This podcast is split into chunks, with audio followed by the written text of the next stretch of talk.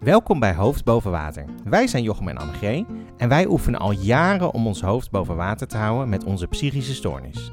Ja, want jij, Jochem, hebt een vermijdende persoonlijkheidsstoornis en ik heb de diagnose bipolair. We duiken iedere aflevering met jullie de diepte in rondom een thema, delen onze verzuipen van de week en we gooien nog een lifeline uit. Ik heb mijn pillen genomen. En ik ben uit mijn bed gekomen. Laten, we, beginnen. Welkom bij Hoofd Boven Water. Onze allereerste aflevering voor het Echi. En daar doen we ook al een eh, poging 3 voor eigenlijk, hè? Ja, het is best een, eh, best een klus zo'n podcast opnemen. En in de allereerste aflevering willen we zoveel zeggen en zoveel uitleggen... dat we een beetje zijn gestrand net met onze uitgeschreven tekst... en nu besloten hebben om het maar even zonder uitgeschreven tekst te doen. Ja, goed plan. Dus het is even te hopen dat we dus alles meepakken wat we wel echt aan jullie mee willen geven. Want we hebben best heel veel te bespreken in deze eerste aflevering. Code rood heet deze aflevering. Ehm, de alarmbellen gaan meteen rinkelen bij het idee. En ehm, eigenlijk willen we jullie gewoon mee gaan nemen in hoe wij zijn gekomen waar we nu staan. Een introductie op, uh, ja, op en Jochem. Een stukje uit ons levensverhaal. Ook hoe wij ehm, ja, tot onze psychische kwetsbaarheid zijn gekomen. Onze psychische stoornissen, mogen we ook echt wel zeggen. En waarom we daar eigenlijk een podcast over maken. Ja, Een stukje uitleg over de titel. hoofd boven water. Ja. Zo uit mijn hoofd moet ik toch zeggen dat ik het nog redelijk... eh, vergeet ik niks op dit moment? Gaat goed toch zo? Gaat goed. Ja? Ja? Ja, we zijn eh, best wel een ongebruikelijke combi. ja, eigenlijk op papier verwacht je ons niet bij elkaar. Jij bent vrouw, ik ben man. Jij bent moeder al een paar jaar. Ik ben oom sinds vorig jaar. Jij bent hetero, ik ben gay. Jij hebt een koophuis, ik een huurhuis. Goeie. ja, die verzin ik even te plekken. hey, maar wat we wel gemeenschappelijk hebben is dat wij nu wonen in het mooie Amersfoort. Zeker. We hebben allebei een stickertje ADHD. Die hebben we gemeenschappelijk. Ja, en ehm, we houden van God. Dat is misschien wel het allerbelangrijkste. Dat is echt wel wat ons linkt. Ehm, en er zit een link in de familiaire en eh, vriendschappelijke relaties. Namelijk, ehm, jouw broer is mijn beste vriend. Klopt. En zo kennen we elkaar. Ja, eigenlijk al wel ongeveer tien jaar zijn we in elkaars leven wel. Ik kwam vroeger al bij jullie thuis over de vloer. Jij was de plus één van mijn broer als we familiedagen hadden. Ik wilde precies hetzelfde zeggen. Dat is Ja? eigenlijk heel leuk. Dan. Dat is heel lief van jouw ouders dat als er dan een eh, familieuitje was of een feestje, daar ben ik best vaak bij geweest. Want jullie hadden toen inmiddels allemaal al een relatie. Nee, want ik had eh, een vriendin als plus één. Oh, je had ook vaak een vriendin als plus één, toen je nog single was. Ja. Oh joh. ja. Nou ja, zo ben ik dus een beetje in jouw leven gekomen. En, en, en nu wonen we ehm, allebei in Amersfoort. En eh, hebben we die link gelegd op het psychische stuk, waar we eigenlijk altijd wel veel over hebben gepraat. Ehm, en wat ons ook verbindt, omdat we daar heel makkelijk met elkaar over praten, vinden we ook leuk. Klopt. Hoe zit het met je pillen? Hoe voel je je? En dat soort eh, vragen. Ja. Ehm, en eigenlijk van daaruit kwamen we richting een podcast de afgelopen maanden. ja, jij kwam met het idee en ik werd er wel blij van. Want het is toch wel fijn om een soort van kanaal te hebben waar je ja, iets kan doen met wat je is overkomen. En omdat we gewoon ook wel een beetje ijdel zijn. Want ik zei, het is ook een beetje ijdeltuiterij. Jij hebt ooit gevlogd. Ik heb ook in mijn eh, eh, dieptepunten vlogjes opgenomen. Dus we hebben allebei wel iets in ons dat we graag willen delen. En ehm, tot nu toe zijn de reacties best wel heel leuk. Dus we dachten, we gaan ervoor. Ja, we hebben dus wat eh, proefafleveringen opgenomen en die naar eh, vrienden en familie gestuurd. Om wat feedback eh, te vragen. En als het goed is, als je dit luistert, dan staat dit dus online. vind, vind ik nog best wel heel eng, want dat moet allemaal nog geüpload worden en zo. Ehm, maar ja, we geloven dat, we, dat het goed is om hierover te praten. Eigenlijk voor mij twee redenen. Eh, de eerste is dat het ehm, dat ik hoop dat mensen hier iets aan hebben. Dat mensen dit luisteren en zeggen: hey, eh, jullie zijn christen, jullie zijn dertigers. jullie worstelen met het leven en jullie praten daar open over. Dat inspireert mij ook om daar makkelijker over te praten. Of misschien de stap naar hulp te zetten. Of binnen de kerk of je vriendengroep, familie, collega's daar wat makkelijker over te praten. Ehm, dat hoop ik heel erg. Ehm, en daar zit ook een groot verlangen naar. Eh, mensen, laten we alsjeblieft wat eerlijker, naast, eh, eh, wat eerlijker praten over hoe we het leven beleven. En ook naast elkaar daarin gaan staan. En niet uit een soort ivoren toren kijken naar de ander die het zwaar heeft. Maar juist een arm om diegene heen leggen en luisteren vooral. Mooi. Daarin hopen wij een, een toevoeging te kunnen zijn in het Nederlandse podcastlandschap, wat al best wel verrijkt is. Maar we hebben toch de indruk dat hierin nog wel een eh, gat Ja, te vullen valt. gat in de markt, joh. Ja, dat hopen we. Ja, en ehm, tijdens een brainstorm eh, kwamen we in één keer met hoofd boven water. En toen googelde ik dat even en eh, Google zei daarover wat de betekenis daarvan is. Is dat je een zaak gaande houdt ondanks moeilijkheden. De moet niet opgeven. En dat vonden we eigenlijk wel goed bij ons passen. Dus zo ehm, werd onze naam geboren. Ja, want we hebben best eh, wat uitdaging om eh, het hoofd boven water te houden. Eh, en van daaruit vonden we het een hele relevante titel. En zijn we heel erg gaan zinspelen met allerlei zwemtermen. Daar ga je nog wel achter komen bij de lifeline en de verzuiper van de week. Precies. reddingsboeien. Dat soort kernwoorden zijn we lekker mee gaan stoeien. Ehm, en ik wilde ook nog even zeggen dat er eh, soms nog best een, toch een bepaalde vorm van taboe kan zijn in de christelijke wereld om te praten over mental health. En eigenlijk überhaupt wel in de wereld. Dus of je nou gelooft of niet, maakt dat eigenlijk niet zo heel veel uit. Ehm, terwijl het zoveel kracht eigenlijk heeft als je er wel open over bent en wel over praat. Wij merken dat er echt heel veel kracht zit in kwetsbaarheid. Dat Ja. mensen dingen herkennen, dat mensen het helemaal niet gek vinden dat je iets zegt dat eigenlijk iedereen met zaken worstelt. Precies, het is ook niet gek. Ehm, er zijn heel veel mensen met mentale klachten, of die in ieder geval in hun leven ermee in aanraking komen, of zelf, of door een familielid of een vriend. Ja. hey, en ehm, mag ik al een bruggetje maken naar Code Rood?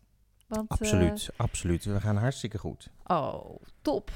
Eh, ik heb gewoon namelijk even mijn crisisplan naast me liggen. En ehm, dus zo kwamen we een beetje bij de titel. Want code rood bestaat ook echt in een crisisplan.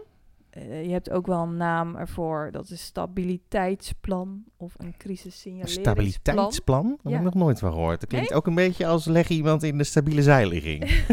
nou, dat is het eigenlijk ook wel een beetje. En ehm, ehm, het leek ons leuk om bij de aflevering die we nog gaan maken, om even te praten over, hey, hoe zit je erbij? En wij praten veel in kleuren van, zit je in het groen? Zit je in oranje? Zit je in rood? Nou ja, jij hebt nog wat variatiekleuren eh, ingebracht. Nou ja, die kleuren groen, oranje, rood, die spreken natuurlijk eigenlijk wel voor zich. Als je stoplicht ziet, bij groen lekker doorrijden, lekker cruisen. Bij oranje is het eigenlijk op de rem trappen. Waar veel mensen in Nederland extra gas geven. Maar het beste is toch echt op de rem te trappen vaak. Om weer in het groen te komen. Om weer even braaf te wachten op groen. En rood, ja, rood staat echt voor. Het gaat niet goed. Eh, je voelt je heel slecht. Je zit niet lekker in je vel. Je vertoont gedrag wat misschien zelfs gevaarlijk kan zijn voor jezelf of je omgeving. Ja, en dat noemen wij dan ook maar zwart, toch? Echte Ja. gevoelens van, ik wil er niet meer zijn. Ja, ik heb na rood heb ik nog zwart. Ja. Ja, in rood eh, ben ik er niet. Eh, dus ik neem eigenlijk altijd, als ik hier ben, neem ik eigenlijk altijd op in groen. Want dan ben ik blij dat ik er ben, zit ik lekker in mijn vel, heb ik er zin in. En in eh, rood ben ik er niet. En in zwart ben ik heel depressief. Ja. Ja, wil ik er eigenlijk vaak ook liever niet meer zijn. Ik ben niet suicidaal dan, maar ehm, ik kan wel zo'n Eliaatje doen. Dat je bidt van, nou god, laat me anders gewoon vannacht maar niet meer wakker worden. Want ik vind het allemaal te zwaar. Ik wil niet meer. Ja, want Elia die heeft dat in de Bijbel ook wel eens geuit, hè? Die, die verdenken ze eigenlijk als de man met een burn-out. Ja, goed dat je dat even theologisch eh, verklaart. Ja, joh, mijn Bijbelkennis, eh, geweldig. Pakken de mensen toch maar weer mee. Ja, het was wel grappig, want wij ontdekten dat we allebei verschillende dingen moeten doen eh, in verschillende fases. Ehm, ik dacht, ik lees gewoon even wat dingen voor uit mijn plan. Is dat een Ja, noem eens een, Om eh, maar beg- gewoon een Ja. beetje beeld bij te krijgen. Hoe nou, zit jij erin als je in groen zit bijvoorbeeld? Hoe ziet dat eruit bij jou? Nou, ik heb daar opgeschreven, want daar heb je dan zo'n vraag: wat neem je waar in fase groen? Nou, ik geniet van de zon op mijn huid. Ik geniet van mijn man, van mijn kinderen, van energie hebben voor de dag. Ik heb een goede nachtrust. Nou, wat denk je in fase groen? God is goed, het leven is goed, ik kan het aan. Ik hou van mensen om me heen. Hoe voel je je? Ik ben optimistisch, ondernemend. Hoe gedraag je je? Nou, ik hou het huishouden goed bij. Ik slaap goed. Ik werk. Wat doe je om in fase groen te blijven? Nou, dan doe ik de alledaagse dingen. Ik zorg voor rust en me-time. En dan is er ook nog een kopje, wat kan je omgeving doen? Nou, heb ik neergezet complimenten geven. Dus eh, mocht je een complimentje voor mij hebben, Jochem. je doet het hartstikke goed. Oh, nou leuk, dankjewel. Heel spontaan ook dit. Ja. Ja, was totaal niet eh, geforceerd of zo. Maar nu even door naar fase oranje. Dan eh, neem ik waar onrust, piekeren, moeilijker slapen, huilbuien, geen zin in ontspannende activiteiten. En ja, wat denk ik? Het wordt me te veel. Kwam Jezus maar terug? Dat denk ik ook heel vaak. Ja, die zit bij mij in eh, zwart. Oh ja. Ja. Nou, ook wel een beetje in rood, maar zeker ook in zwart. Ja. En eh, hoe ik me voel. Ik heb nare gedachten. Ik pieker. Ik geniet minder van dingen. Hoe gedraag ik me? Ik slaap slecht. Ik sta met moeite op. Ik heb geen motivatie. Ik huil veel. Ik ben pessimistisch. Of doe pessimistische uitspraken. Nou, wat kun je doen? Extra rust nemen. Het bespreekbaar maken met de mensen om me heen. Wat kan mijn omgeving doen? Mij herinneren aan wat mij helpt om me beter te voelen. Wandelen, rust nemen. Wat kan je omgeving doen? Eh, Dat is ook een mooie categorie, vind ik altijd, in een, in een crisisplan. Dus juist ook die focus naar de signalen die je omgeving kunnen zien. En ook wat kan je omgeving eventueel doen. ja, en ik heb hier dus, wat kan je omgeving in fase oranje beter niet doen? Oh, dat is ook een hele goeie. Te veel invullen, mij niet serieus nemen of mij behandelen als een klein kind. Oh, ja. Nou, Dat is best wel interessant. Joh, dat was ik alweer vergeten. Wanneer, want het is ook goed om even te vertellen, wanneer heb jij dit, dit crisisplan gemaakt? Want die van jou is anders dan die van mij. Toen ik voor de eerste keer eh, in een zware depressie terechtkwam en GGZ mijn leven binnenkwam. Dus dat zal ik zo meteen nog wel eventjes eh benoemen. Goeie, goeie natuurlijke teaser die jij er zo even Ja. in fietst. Dat doe jij heel sterk. Heb ik geleerd, heb ik geleerd door al die proefafleveringen, Ja. joh. Nog laatste, wat neem je waar in fase rood? Nou, ik ga ongecontroleerd schreeuwen, huilen, ik wil wegrennen, ik slaap niet meer, ik trek me terug, ik heb buikpijn, ik heb, ben heel moe. Wat denk je? Ik wil er niet meer zijn, dit komt niet meer goed, ik kom hier niet meer uit. Ik zeg het nu helemaal vrolijk, maar dat is Ja, je- heel... Ja, het is ik- meer omdat ik het aan het voorlezen ben, maar... Goed, wat voel je in fase rood? Angstig, onzeker, boos op mezelf. Het kan me niks meer schelen. Hoe gedraag je je? Ik eet niet meer. Ik slaap twee uur per nacht. Ik kom afwezig over. Wat kun je het beste eh, doen om van fase rood in fase oranje te komen? Hulp voor de kids inschakelen, huisarts bellen of de behandelaar spreken. Nou, en wat eh, kan je omgeving in fase rood beter niet doen? Mij behandelen als een patiënt, heb ik opgeschreven. Nou, Oh, sluit ja. ik me wel aan. Wat kunnen ze wel doen is bemoedigen, bidden en eh, aangeven dat het echt wel weer goed gaat komen. Nou, dat zijn zeker helpende teksten vanaf de zijlijn, denk ik. Ik fiets gewoon even mijn hele plannen door. Maar Ja, gewoon even in drie minuten. Ik hoor dit trouwens ook voor het eerst. En het valt mij meteen op dat jij best veel dingen uit je crisisplan ook inzet als het minder goed gaat. Want wij hebben nu, eh, nou, is het een drietal maanden, wat eh, intensiever contact. En eh, nou, dan vertel je ook dat als het niet goed gaat en je zit eh, in rood of in oranje, dat je dan bijvoorbeeld je psychiater weer eens hebt gebeld. Ja, klopt. Ja, dus ik doe eigenlijk die dingen wel. Want eigenlijk hoor je dit plan gewoon in de buurt te hebben. En dat mensen in je omgeving dat erbij kunnen pakken. Of Ja. jijzelf. Maar het zit denk ik inmiddels al wel een beetje in mijn systeem. Ja, mooi. Maar nu de vraag, Jochem, waar zit je? Waar Hoe zit, ik mijn, in mijn crisisplan? Nou ja, mijn, mijn crisisplan is... Ik zit er nu goed bij. Ik heb eh, eigenlijk sinds zondag zit ik wel behoorlijk in groen. Dus dat is heel fijn. Want vorige week was behoorlijk oranje. De week daarvoor was erg rood.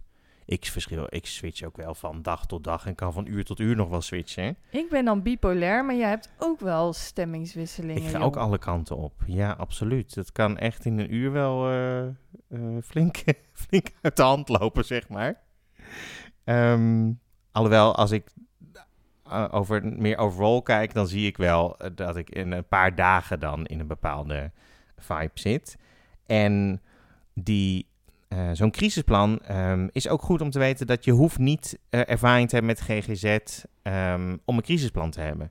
Je hoeft niet hulpverlening te hebben. Het kan ook er zijn ook mensen die hebben crisisplannen. Dat heet dan misschien niet zo, maar meer signaleringsplannen. Of geef het een ander woord om zichzelf gewoon een beetje in de gaten te kunnen houden. En die van mij was vrij uitgebreid, toch? Met al die verschillende Ja, vragen. ik, ik heb dit niet zo. Ik heb nooit een crisisplan hoeven maken voor in een hulpverleningstraject. Ik heb eh, een paar maanden geleden een cursus gevolgd om juist ehm, bezig te zijn met gezond gedrag. Wat heb je nodig als het minder goed gaat? En daarin heb ik voor het eerst een wat uitgebreider crisisplan gemaakt.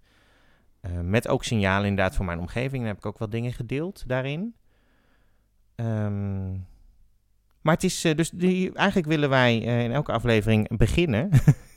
we zitten nu op, op 15 minuten. Maar we willen eigenlijk beginnen met de vraag: eh, hoe zit je erbij? En ik heb hem volgens mij al beantwoord. Ik zit er goed bij. Ik heb er zin in.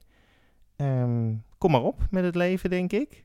En dat is een goede houding, want eh, als ik eh, slecht in mijn vel zit, dan, dan ben ik er niet. Ehm, en dan, dan, dan zit ik heel veel te eten en beeldscherm te kijken. Kom ik soms dagen mijn huis niet uit. Dat is echt mijn rood. En mijn zwart is dan dus nog ook, ook dan nog heel depressief voelen. Dus ik ben nu, eh, ik ben nu blij en optimistisch. Eh, ik heb er zin in. Fijn, ik ook. En daarom zit ik denk ik ook een beetje in lichtgroen, gelig, oranje-achtig. Oh, dit is toch een heel kleurenpalet eigenlijk. ja. Nee, ja, ik ben ergens wel heel moe en ik vond het een pittige dag. Het is ook een bloedje heet. Wij zitten in een soort van sauna met z'n tweeën. Ja, en dan is het nog niet eens 30 graden. Was het nog niet eens echt 30 graden vandaag Nee? buiten? Oh, Net niet volgens mij, maar het was hier binnen net 27. oh, zweet op onze voorhoofd. Ja, en we zitten niet in de studio, we zitten in jouw woonkamer. Ja, Ehm, dus een ventilator, ja, dat kan gewoon niet. Je hoort dan eh, een soort enorme voep, voep, voep op de... Dat is nog een hele snelle ventilator, maar dat hoor je allemaal op de opname. Laten we doorgaan, Annegreet, Ja. want we zitten lekker lang over het crisisplan. ja. Ehm, jij mag eh, ons wel eigenlijk even meenemen in hoe jij in Code Rood bent gekomen. Een stukje uit jouw levensverhaal. Vertel. Ja, nou, ik eh, ben gezegend met een gelukkige jeugd. Ik ben tweede uit een gezin van vier kiddo's. Ik was wel echt een eh, gevoelig meisje. Ik vond veel dingen spannend. Toen ik tiener werd, verhuisden we voor het werk van mijn vader van Groningen naar Flevoland. Hé, hey, daar kom je ook vandaan, hè? Ja, daar hebben we elkaar toen later ontmoet. Ja. Ehm, dat was best wel even wennen, want we waren in één keer verder bij familie vandaan en we moesten een soort van opnieuw beginnen. Maar ik sloot wel snel vriendschappen en ehm, nou, ben VMBO gaan doen. Daarna een opleiding tot apothekersassistent gaan volgen. Ja, ja. Dus je hebt verstand van pillen. Ja, en ik had never nooit verwacht dat ik zelf aan die pillen zou gaan. Dat is heel raar. Dan heb je al die doosjes antidepressiva al een keer door je handen gehad en dan... Gaf je veel antidepressiva uit? Daar ben ik dan meteen zo benieuwd naar. Ja, Ja, hè? ja. Ja, en ik vond het allemaal dikke vette onzin. Dat, dat, is ja. echt fa- farmaceutische... eh, Jij was tegen. Ja, ik was echt wel tegen. Daar gaan we later zeker nog op terugkomen. Hoe de, de anti een bijna pro is geworden Ja, daarin. ik zit nu bijna iedereen te slijten aan die pillen. Je hebt een soort deeltje hier in Ja. Amersfoort vanuit je huis. Hey, maar mijn motto was op een gegeven moment, toen ik 18 was, life begins at the end of my comfort zone. En dus ehm, ging ik op Wat een ongelooflijk vroom motto trouwens. Ja. Nou, ik hoor hem nu voor het eerst. Echt? ja. Ja, maar nu denk ik echt heel, blijf lekker in je comfortzone. Dat is ook fijn. Maar toen moest het er allemaal uit en ik ging toen ehm, naar Bonaire voor een jaar. En daar ging ik vrijwilligerswerk doen in de verslavingszorg. Was echt wel heel pittig. Ehm, maar goed, ik eh, vond dat wel avontuurlijk. En eh, daar reken ik een beetje af met mijn eetproblematiek. Dat was gewoon een soort van parallel proces. En eh, ik had heel erg het idee van, nou, ik word zendeling. Heer, gebruik mij maar. Uh, waar zendt u mij heen? Nou, dat werd gewoon Nederland. En ik ging een studie tot social worker volgen, want ik had nog studiebeurs over. En uh, rond mijn afstuderen leerde ik mijn man kennen via een datingsite. Ik had nog nooit eerder een relatie gehad. Dus dat was uh, interesting. En um, nou, we, ik vond werk. We trouwden ongeveer na anderhalf jaar. En um, we verhuisden naar Amersfoort. Op een gegeven moment raakte ik zwanger. En in 2019 beviel ik thuis, hier, in een uh, bevalbad van een prachtige dochter. En we waren echt helemaal in de wolken. Het was super intens, maar ook wel echt heel bijzonder. En na drie maanden ging ik weer werken. En in die periode stopte ik ook met borstvoeding. Dus dan heb je zo'n soort van hormoonschommeling van heb ik jou daar. En in die tijd begon ik uh, heel veel te huilen. Als iemand mij wat vroeg, ik barst gewoon in tranen uit. Ik begon me heel labiel te voelen. Heb toen ook hulp gezocht bij een psycholoog. En die zei van, joh, doe wat rustig aan. Dit lijkt een beetje op burn-out verschijnselen. En uh, ik dacht op een gegeven moment ook van, oh, volgens mij ligt het ook aan mijn werk. Uh, dus ik ben op zoek gegaan naar iets nieuws. Dat was, was dat gek trouwens, dat je ja, spontaan bijna begon met huilen soms? Ja, dat is echt. Ik werkte toen met studenten en dan, dat is heel raar als zij jou heel veel zien huilen. Dus op een gegeven moment, het lukte ook niet meer. Dus ik ben toen ook wel even 50% gaan werken. En ja, ik, bij die studenten leerde ik heel erg van hoe kun je Gods stem verstaan. Maar in die periode dacht ik echt, ja, ik wist het allemaal niet meer zo goed. Heel gek heb ik toen niet gedacht aan een depressie of zo. Maar um, nou, ben gewoon doorgegaan, andere baan gezocht. En uh, in die periode raakte ik opnieuw zwanger. Was midden in coronatijd. En uh, ik moest me al vrij snel ziek melden. Dus toen heb ik nog wel vrolijk vanuit huis wat taken gedaan voor die werkgever. Websites gebouwd, e-books vormgegeven. Nou, je kunt het allemaal niet uh, bedenken.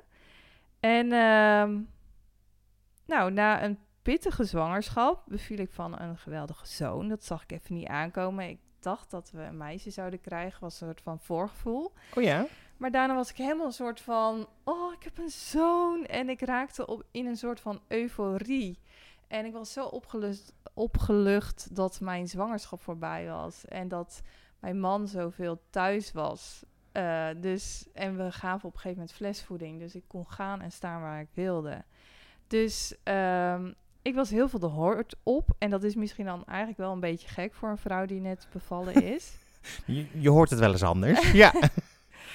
maar uh, eigenlijk achteraf uh, heeft de psychiatrie dat een beetje benoemd als hypomaan. Dus um, dat is zeg maar als het gaat om bipolair, manisch depressief, een beetje richting een manie. Het is net niet een manie, maar het vertoont al wel veel kenmerken.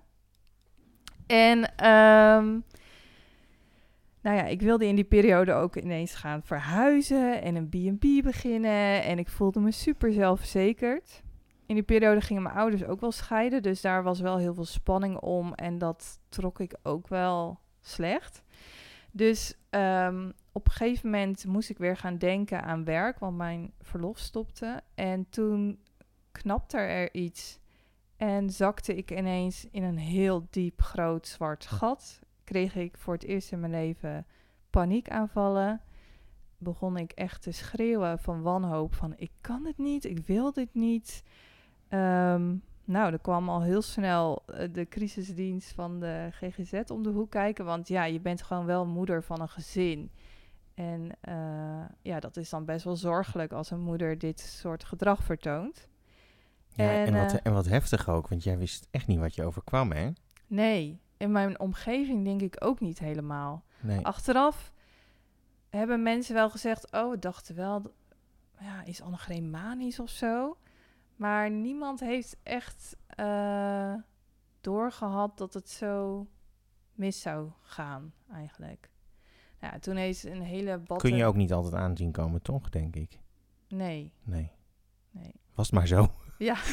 Dan hadden we de zorg veel beter kunnen inrichten. Als we zagen wanneer mensen gingen flippen, dan... eh, Ja, ja. En ehm, toen begon ik er dus al meteen aan pillen. Eerst kalmeringsmiddelen en zo.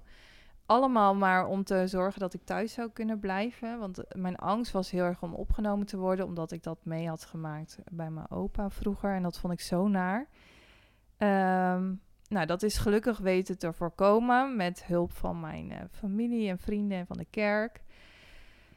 En toen dacht ik, nou, mijn depressie is voorbij. Eh, het was een postpartum depressie, dus na de bevalling. Wat overigens heel veel vrouwen meemaken. Volgens mij wel 23.000 vrouwen per jaar is een soort van schatting. Ja, je zei het. Ik, eh, ik schrok er echt van. En dan zullen er misschien nog wel meer zijn, wordt er dan gezegd. Dus ja, ik vond dat trouwens wel een fijn idee. Oké, dit is gewoon iets waar ik uit kan klimmen. En dit gaat me ook niet meer overkomen, want voor mij dan geen kinderen meer. Zo. En toen wilde ik ook afbouwen met medicatie, wel in overleg met de arts. Maar toen eh, ging dat helemaal mis. En een jaar later zat ik dus weer op hetzelfde punt, maar was het misschien nog wel erger aan toe. En lukt het ook niet meer in mijn omgeving om mij thuis te houden. Dus toen moest ik opgenomen worden. Dat was echt de hel, vond ik, voor mezelf. Ja, dat is, echt, je- dat is wel je diepste punt geweest, toch? Ja, Ja. dat was echt zwart, ja. En ehm, nou ja, langzaam. Ik heb daar zes weken gezeten. En na zes weken dacht ik, ik deed me ook wel een beetje voor alsof ik goed genoeg zou zijn om naar huis te kunnen. Want ik wilde daar echt weg. Maar thuis ging het meteen al niet meer. Dus toen ben ik naar vrienden gegaan. Daar heb ik nog zes weken gewoond. Met... Oh, dat wist ik helemaal niet trouwens. Nee? Nee. Ehm, en dan ging ik wat meer in kleine stapjes opbouwen. Want het is ook heel raar als je zes weken er niet bent en je wordt in één keer weer thuis gezet. Dat is ook wel een hele grote overgang. Dus gelukkig waren daar vrienden uit de kerk waar ik mocht zijn. Een ouder echtpaar van in de zeventig. Ja, wat fantastisch. Dat zijn Ja. echt engelen. Ja, echt. Daar ben ik heel erg dankbaar. En ehm, inmiddels heb ik. Want de- even nog naar die, die GGZ-opname. eh, Want ik zie dat jij nog eh, wat tijd hebt in jouw spreektijd. Oh, dus dat gaat hartstikke goed. Maar ehm, dat, dat, dat is toch verschrikkelijk. Dan zit je dus in zo'n... Ik, ik heb zelf nooit een opname meegemaakt, maar ik heb jou daarover horen vertellen. Eh, zo'n locatie ergens in het bos in het midden van het land. ja, Waar, waar je eh, be- bezoekuur ook hebt, zei Ja, je. Eén keer per dag mogen mensen even langskomen. ja. En je mag op verlof, maar dan moet je echt een verlofbriefje invullen. En, En, en, toestemming krijgen. en wat doe je daar dan? Ja, er zijn soort van therapieën. Dus eigenlijk vooral om je bezig te houden. Dus creatieve therapie, tuintherapie, PMT. Dat is volgens mij een beetje sporten en zo. ja, psychomotorische therapie. Oh. Maar het was dus heel weinig, er was, geen behandeling. Jij zat Nee. daar om beschermd te worden van je eigen shit. Ja, Als ik het, mag ik het zo stellen? ja. Maar het is natuurlijk wel eigenlijk heel verdrietig als je allemaal mensen die zo wanhopig zijn bij elkaar zet. Daar word je ook niet echt beter van. In mijn geval in ieder geval niet. Ik, en ik ben ook, denk ik, hoogsensitief. HSP. En dat betekent dat je gewoon ja, een soort van extra zintuig hebt, waardoor je zoveel meer prikkels binnenkrijgt. En eh, nou ja, dat kreeg ik ook wel echt van al die mensen, van al hun leed, dat droeg ik gewoon ook mee. Je zat daar totaal overprikkeld in een kamertje. Ja, Totaal helemaal uit. Joh, wat heftig zeg. een hele trieste inrichting daar ook. Dus Het, ja. zijn ook, het zijn ook meestal geen... Nee, maar het zijn ook geen plekken van, voor gezelligheid. Maar ik denk wel eens moeten we dat niet heel anders inrichten. Ja, dat wel. Moeten we niet juist bij hele gezonde, even hele gezonde mensen, om het zo maar te zeggen, kamertjes inrichten Ja. in de tuin, chaletjes, tuinhuizen. Dat als je helemaal doordraait, dat je gezellig bij iemand kunt wonen. En Ja. dat er gewoon elke dag voor je gekookt wordt. Ja, dat werd daar ook trouwens hoor. Maar dat was Ja. echt. eh, ja, ik, in mijn depressie eet ik ook niet. Dus ik kreeg daar echt geen hap door mijn strot. Maar goed. Ja, Hoe lang is dat nu geleden, Annegee? een jaar. Nee, langer toch? Ja, ik ben in ehm, maart vorig jaar, 2022, opgenomen. Eh, en voordat ik dus weer thuis woonde, was het al eind juni. Ja. 2022. Ja. Dus dat is nu een jaar geleden. Ja, zitten we nu eh, bijna op een jaar. Ja, oh, nou ja, we weten niet wanneer dit online staat, maar Nee, we hopen eind juni. vandaag is het in ieder geval... eh, 13 juni, mooie datum om een eerste aflevering op te nemen. maar ehm, ga verder. Ja, dus ehm, inmiddels heb ik de diagnose bipolair maar omarmd. Ik heb me er eerst echt tegen verzet van nee, dat wil ik echt niet, want dan, dat betekent dat het veel chronischer is. Maar die psychiater zei gewoon ja, eh, we kijken gewoon naar hoe het is verlopen. En je hebt na je eerste zwangerschap een kleine dip meegemaakt, na je tweede zwangerschap. Maar je hebt ook die flows gehad, dus dat hypomanie. Dus ja, je- Ja, want even voor de, de leken onder onze luisteraars, wat is een bipolaire stoornis? ja, dat wordt ook wel manisch-depressief genoemd. Ik weet er eigenlijk nog niet heel veel van. Ik ken het vooral vanuit mijn studie social work en vanuit apothekersassistent. Ja, ik weet er iets van omdat ik vorig jaar zomer dacht dat ik het had. ja, je hebt toen een boek gekocht ook.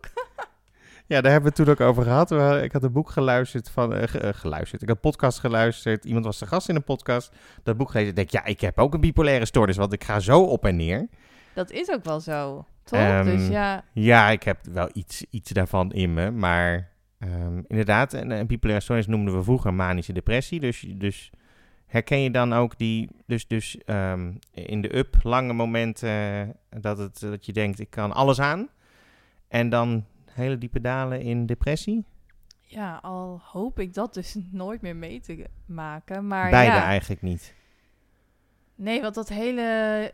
Eh, ik kan de hele wereld aan. Ik verhuis nu met mijn gezin naar de andere kant van het land. En ik open een bed and breakfast en een theetuin. En dat was ook een beetje extreem. Oh, dat was, een, was dat een manie eigenlijk? ja, heb jij dat nog ik vond dat zo'n leuk idee. Het is nog steeds een goed idee. Ik heb al een kamer voor mezelf geboekt daar bij Ja. jullie.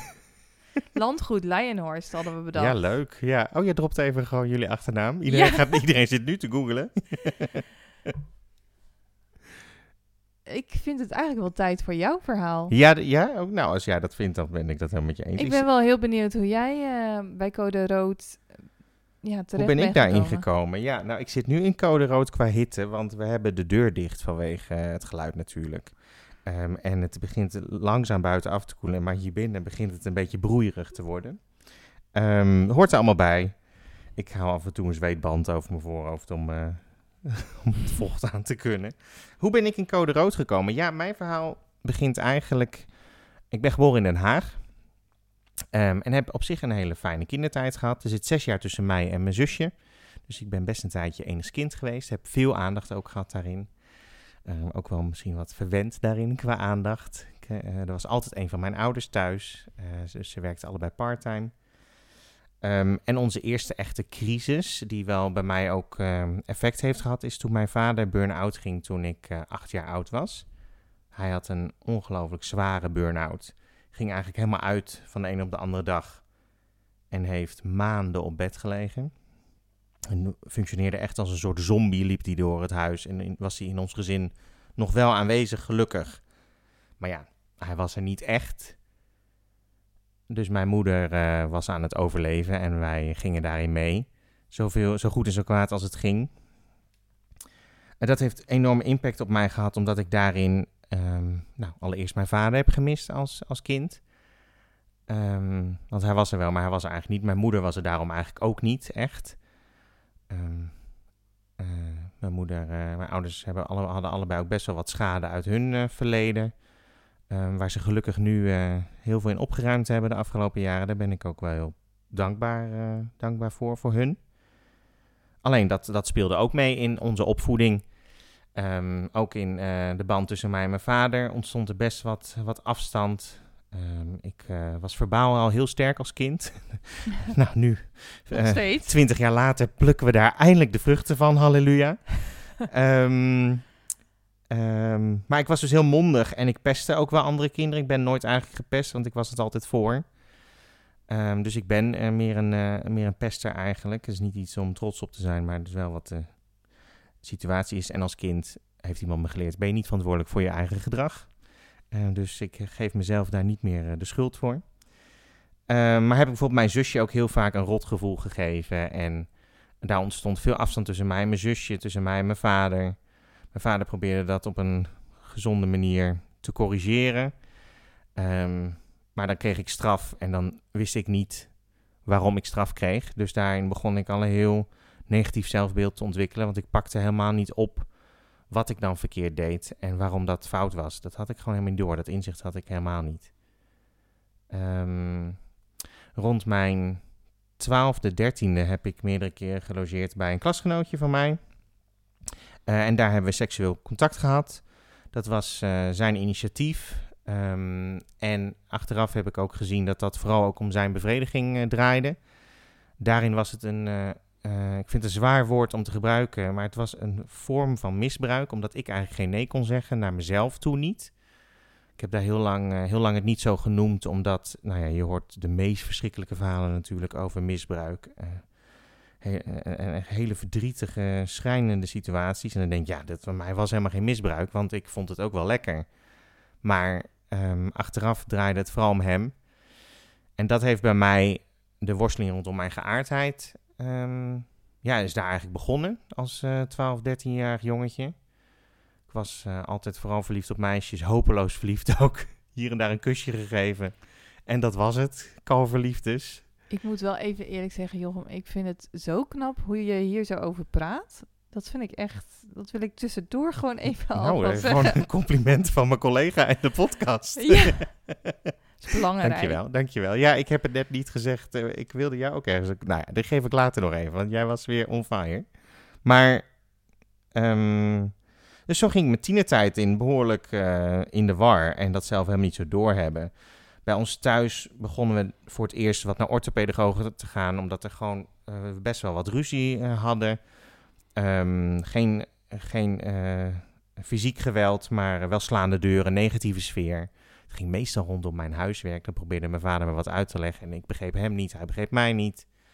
Gedoe, discussies. Ik had een sterke mening, mijn vader ook, dus dat botste heel veel uiteindelijk ben ik, um, ik spiek even naar mijn aantekeningen, want ik doe dit nu dus allemaal uit mijn hoofd. Um, uiteindelijk ben ik rond mijn zeventiende uit huis verhuisd en een jaar later ook weer teruggekomen. Ik heb bij mensen uit de kerk gewoond, wat toen heel fijn was.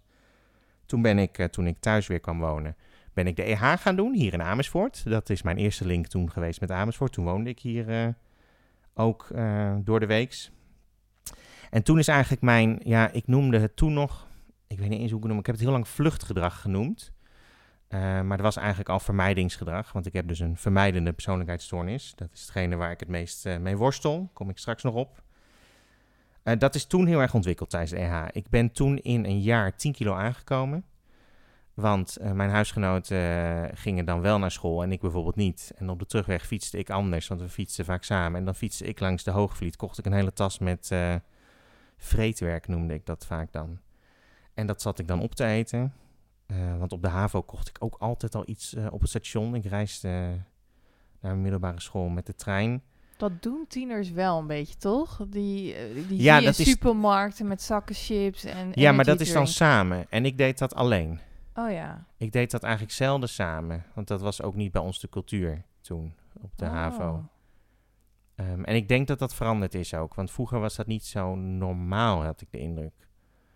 Wij waren niet de frikandelbroodjes en Red Bull generatie. Oh. Wij waren, uh, ja, wat deden we eigenlijk? Maar wel pakken koek hoor. Dat, uh, ja? ja? Ja, in Dronten misschien bij jou op de middelbare ja. school, maar bij ons was het gewoon... Scholen heb ik gezeten. Op je middelbare school? Ja. Oh, je hebt het Geidanus gezeten? Ja, ik moest echt... Shout-out naar alle mensen van het Geidanus meteen even. ja.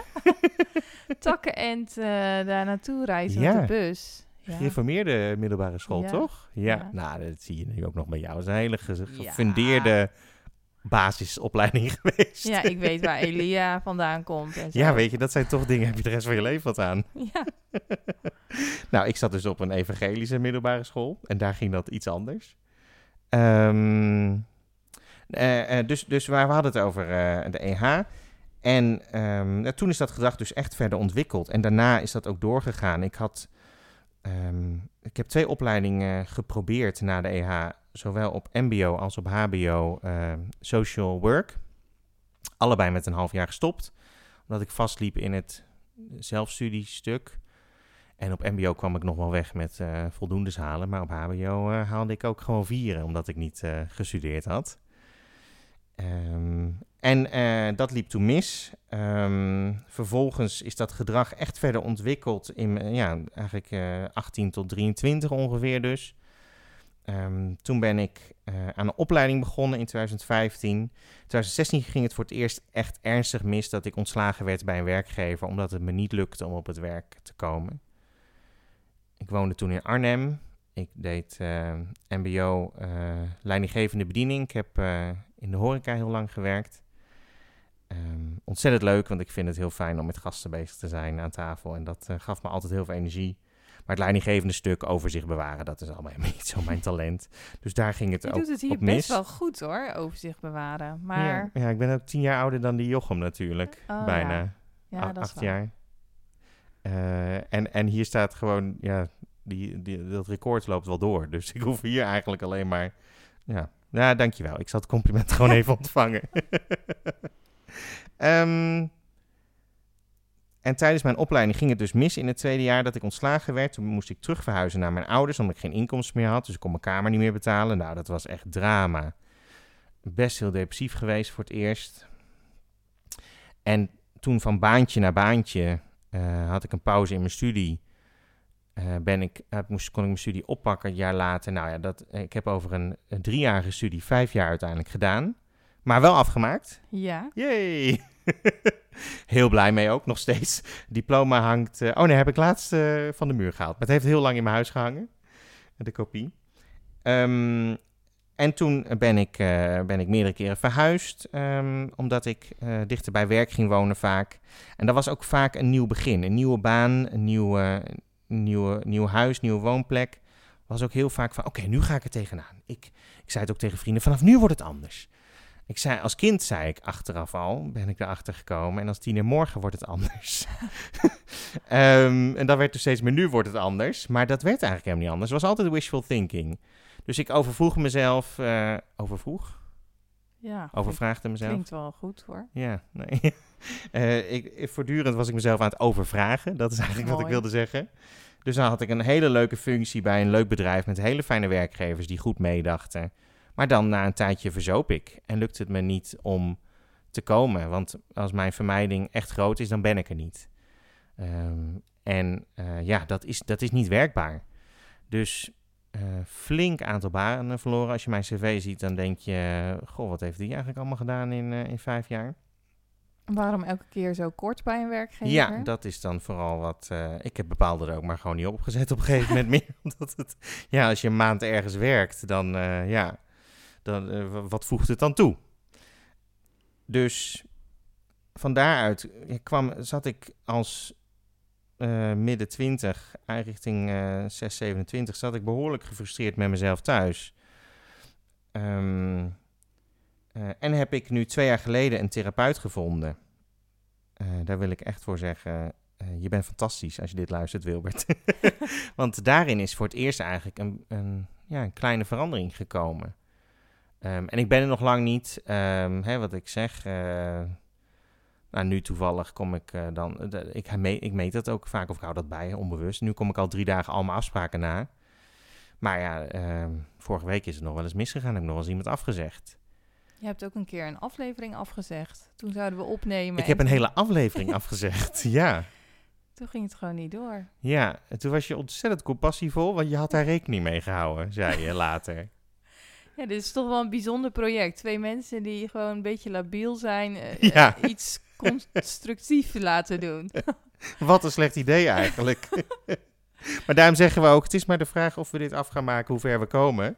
Ja, maar ik vind dat we het nog best wel goed doen eigenlijk. Ja, en, en, en het geeft ons veel energie. Ja. Eh, alhoewel het ook wel hard werken is hoor. Maar, Ja, ehm, dus zo ben ik gekomen in, in, in rood.